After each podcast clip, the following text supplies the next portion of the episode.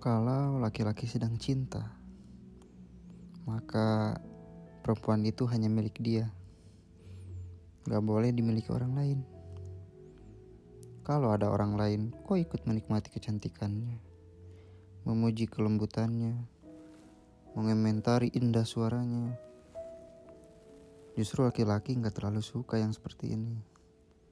Pokoknya kekasihnya perempuannya ya pokoknya untuk dia. Dan kata Buya Hamka, laki-laki itu makanya mudah timbul cemburu. Kalau perempuan yang dicintainya punya relasi, koneksi, dipuji orang. Pokoknya yo perempuan ini harus miliknya dia saja. Gak boleh orang lain ikut-ikutan dalam hal apa pun. Itu cirinya laki-laki. Buat perempuan, coba didiskusikan.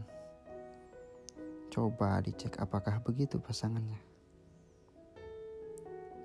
Tapi kalau ada pasangan saya kok nggak terlalu cemburuan, itu kok saya dibiarkan aja gak ngapa-ngapain.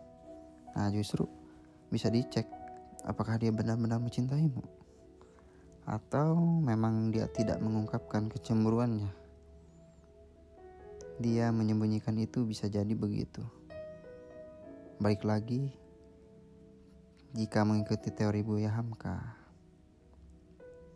jangan sampai ada orang senang kepada perempuan yang aku cintai, termasuk memuji-muji, termasuk dekat, dan lain sebagainya.